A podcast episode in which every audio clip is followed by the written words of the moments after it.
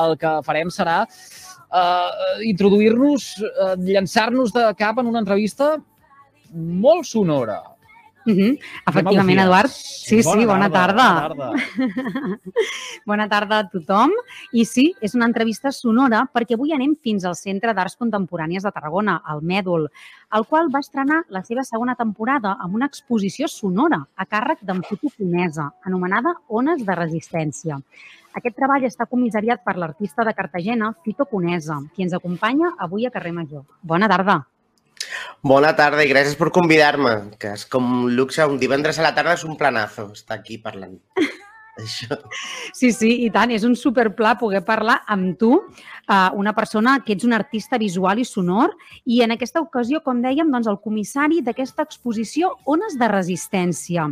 Com dèiem, es va inaugurar a principis de febrer i avui encara en parlem perquè es podrà visitar fins al 9 d'abril. Podríem definir l'exposició com una exposició multisensorial?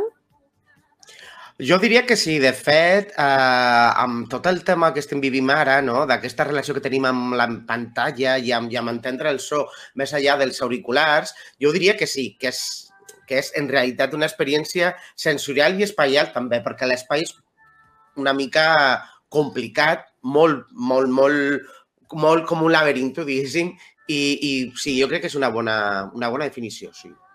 Mm -hmm. com, com sorgeix la idea de crear aquesta exposició, les zones de resistència? En primer lloc va ser el Vicent Fible que em va convidar, perquè és veritat que jo crec que tot i totes tenim com sessions i la meva era la vibració, no? I aquesta idea de les zones més enllà de, de doncs, la vibració del telèfon o una vibració d'algú que d'un terratrèmol, sinó del so com vibració. I un dia parlant amb ell em va dir, oye, i a ti, d'aquest tema que t'interessa, ja, ja, diguéssim, hi ha matèria per fer alguna cosa. I jo dic, home, sí, hi ha molta gent fent coses i s'ha fet al, al, al llarg del temps. Doncs jo crec que va ser així com d'aquestes idees entre cafè, birra, no em recordo que estàvem veure, però, però bueno, allà més o menys va passar. Clar, tu has volgut abocar la capacitat que té la música, la veu, aquests sons ambientals, no? També de recordar-nos, vinculats amb aquesta memòria individual i col·lectiva. Totalment. Jo diria que l'exposició, eh, tot i que és un, evidentment és una exposició sonora, hi ha molt estímul visual, però també és una reivindicació a, a, la, a, la, a la música i més enllà al so com una eina per recordar i per crear arxiu de, de memòria no? del territori i més enllà. Per exemple, la meva mare, tot, tot i que jo vaig néixer a Cartagena, la meva mare té una relació amb Barcelona molt potent, perquè ella va estar vivint fins a... Jo tenia, jo crec, 13 anys, més o menys, a l'Hospitalet i anava a França a treballar a la vendímia i ella recorda cançons de la vendímia i les cantava quan jo era petit. Doncs aquest tipus de situacions que de vegades són molt personals, molt familiars, però que al, a la, al cap i a la fi parlen d'algú més gran, jo crec que estan allà, d'alguna manera, en, a, en aquesta exposició rara, però en el bon sentit, no? una rara avis. I, I sí, és una reivindicació això, el so i les cançons populars i te'l records com una eina per recordar i per crear arxius sonors també. Ara estem sentint la Núria Feliu, se sent de fons, que el tècnic ens l'ha posada així de sintonia de fons, i, i jo l'he volgut posar com a ambient perquè, perquè veiem a la notícia de l'exposició que hi han aquests discos de la Trinca, de la Núria Feliu, d'aquesta memòria de, de fa els 40 anys, no de la memòria de Tarragona, tu també volies retratar.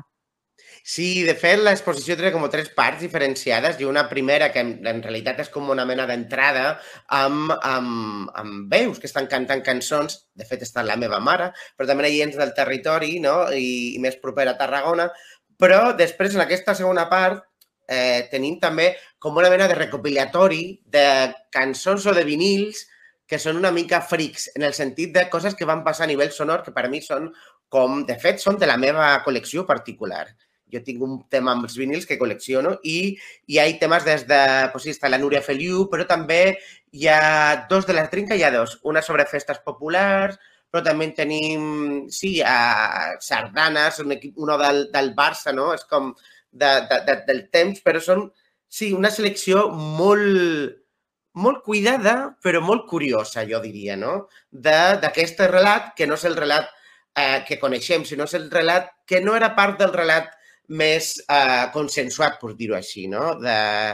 Sí, jo diria sí, una selecció molt cuidada de petites joies musicals que van passar a Catalunya eh, des dels fa 40 anys fins avui, més o menys.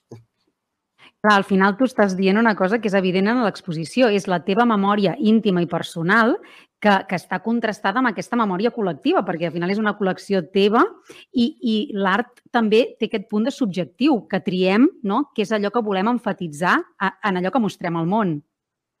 Total, jo crec que hi ha potent en aquesta exposició que, tot i que jo sóc el comissari, en realitat és una figura molt, molt estranya la del comissari, perquè en realitat jo estic creant un relat a partir de la meva experiència, com tu em parlaves, però eh, al, al cap i a la fi no deixa de ser una experiència compartida i la meva manera també d'entendre el territori, Tarragona i Barcelona i Catalunya en, en general, no?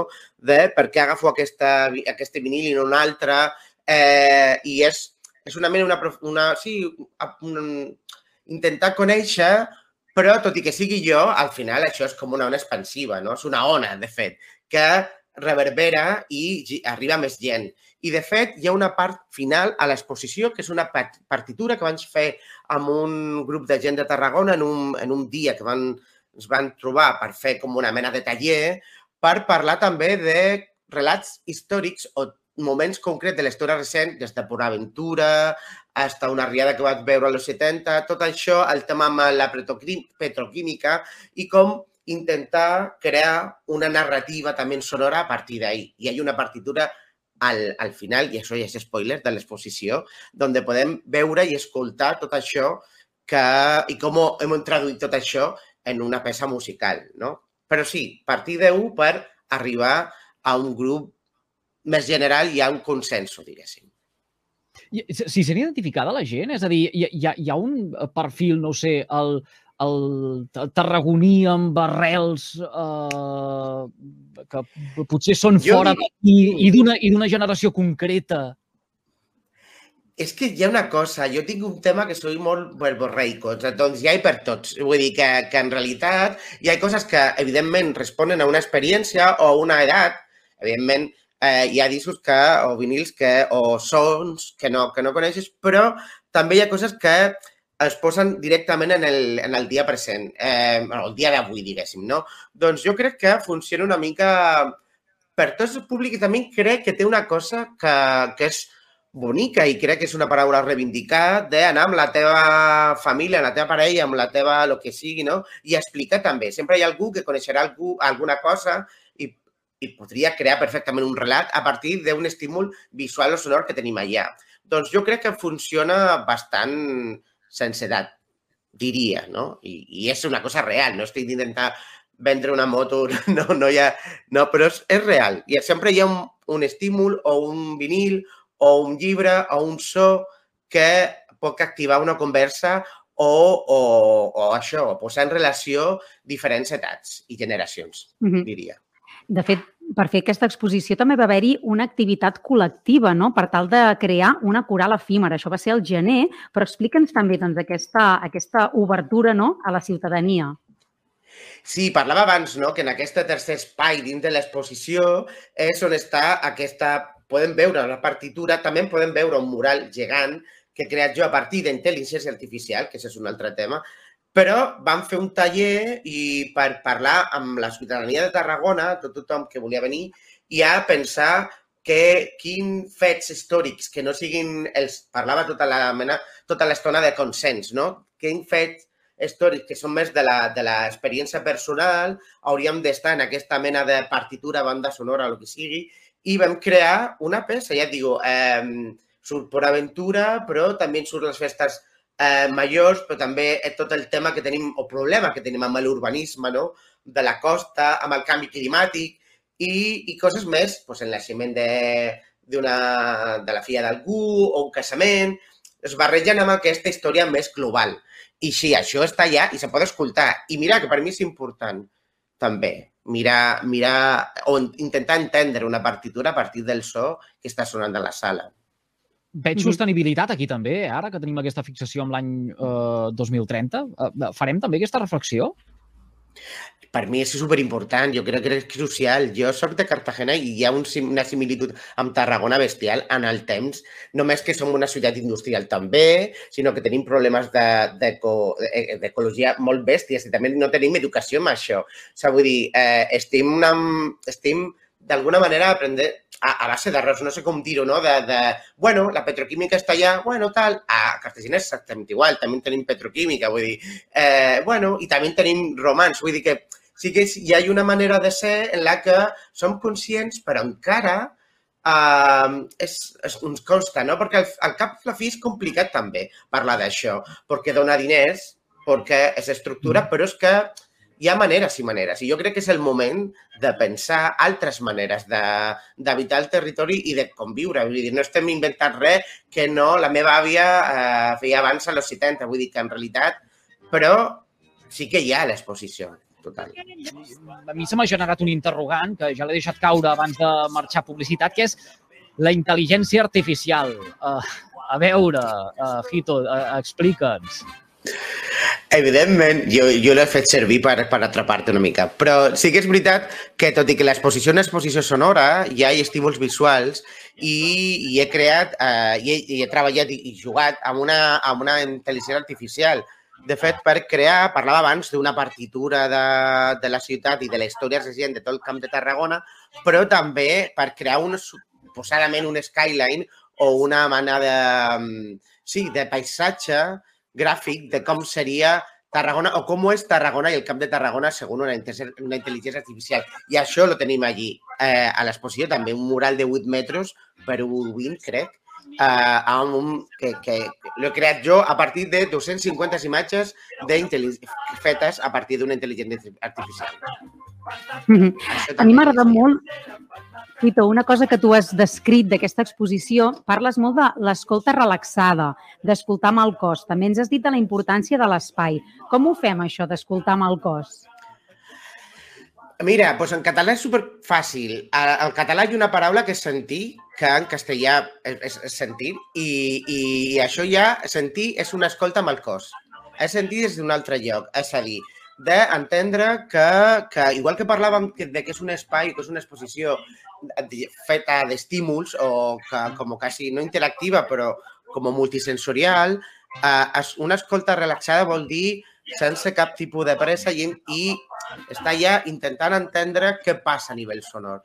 I, evidentment, aquestes animacions que ja ajuden també a entrar en algun tipus de, de quasi diria, com de, de situació hipnòtica, no? d'entendre de, de, de, que bueno, només és arribar a mirar alguna i, i rebre estímuls com si no hubiera un mañana, no és TikTok, és una altra velocitat i això vol dir escoltar amb el cos, sentir i escoltar la vibració que tenim al voltant. És que no vull fer spoiler, però va per allà, més o menys. Doncs no fem, no fem spoilers. Eh, recordem aquesta informació de servei fins al 9 d'abril a les golfes de Casa Canals. Aquells que en vulguin saber més, que s'hagin quedat amb ganes de descoberta després de les paraules eh, que ens acaba d'oferir el, el mateix eh, Fito Conesa, ja ho saben, eh, compartirem tot plegat a través de les xarxes socials de les 8 emissores que passegem cada tarda pel, pel carrer Major. I aquells que vulguin conèixer una miqueta més en Fito Conesa, fitoconesa.com ORG. Uh, així de... Així gràcies de... per convidar-me. A... Gràcies, gràcies. Ja ho vaig dir, superplanazo de divendres a la tarda. Escolta, el dia que vulguis tornar per parlar d'art o per parlar de vinils, que també ens agraden molt... Uh... uh jo soc un col·leccionista, però, però obsessiu, doncs, quan vulguis. O sigui, quan vulgueu, jo, jo parlo de curiositats de vinils que tinc. Fantàstic. Fet Unesa, moltíssimes gràcies per compartir aquesta soneta amb nosaltres. A vosaltres a reveure. Gemma Bufí es acompanya des de Ràdio Montblanc. Gràcies sempre per sorprendre'ns amb aquestes entrevistes que ens deixen amb la boca oberta i amb les ganes de, de més. Uh, de més enllà de tot el que expliquem a les ones arsianes, aprofundir en coneixements de forma presencial, en aquest cas, doncs, en aquesta exposició. Bon cap de setmana! Jo només puc dir això. Bon cap de setmana, igualment. Adéu. A reveure.